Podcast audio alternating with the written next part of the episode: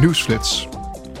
Morgen neemt de Milieucommissie van het parlement haar standpunt in over ontwerpregels om het gebruik van gefluoreerde broeikasgassen te beperken. Deze zogenoemde F-gassen zijn door de mens geproduceerde chemische stoffen. Ze zijn erg krachtige broeikasgassen, vaak zelfs duizenden keren krachtiger dan CO2, en ze worden gebruikt in alledaagse apparaten zoals koelkasten, airconditioners, warmtepompen, systemen voor brandveiligheid en schuim- en aerosolbussen. In de aanloop naar Internationale Vrouwendag houdt de Commissie Vrouwenrechten en Gendergelijkheid morgen een vergadering met parlementsleden en deskundigen uit de EU-landen.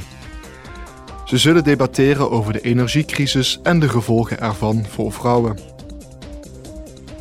Morgen houdt de beleidsondersteunende afdeling Structuur en Cohesiebeleid een workshop over de invloed van sociale media op de ontwikkeling van kinderen en jongeren.